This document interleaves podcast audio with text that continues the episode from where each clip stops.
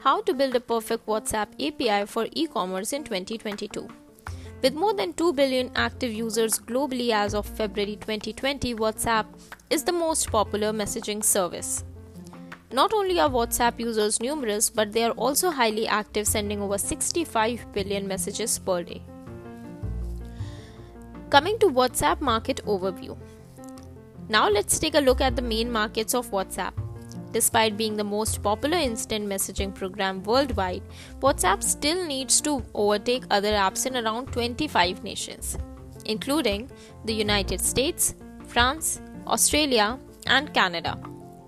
India is the largest market with 200 million users, followed by Brazil and then the United States. What is the WhatsApp Business API for e commerce and how does it work? Facebook has since taken things a step further and introduced WhatsApp Business API for big businesses. WhatsApp now gives businesses the chance to interact directly with the consumers over WhatsApp thanks to the WhatsApp Business API. WhatsApp API for e commerce integration and ways to do it. Even though it's typically the case having a website is not a must to integrate WhatsApp into your e commerce firm, you may not even have one yet depending on your business profile. This is particularly true if you are a tiny seller who has recently begun selling.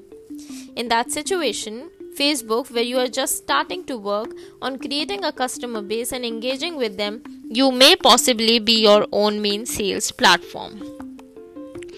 How to integrate WhatsApp e commerce bot into your website. You can build up a WhatsApp chatbot by simply following the instructions, and everything will be ready to use in no time. WhatsApp communication opt in form. They can have an interest in certain product.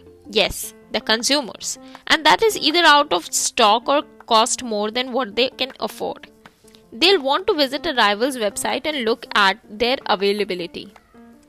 Now, how to add an opt in form for WhatsApp to your website? You can ask clients to accept WhatsApp communications from you in several ways. Make an opt in landing page or include a pop up on your website using a WhatsApp conversations you already have with them.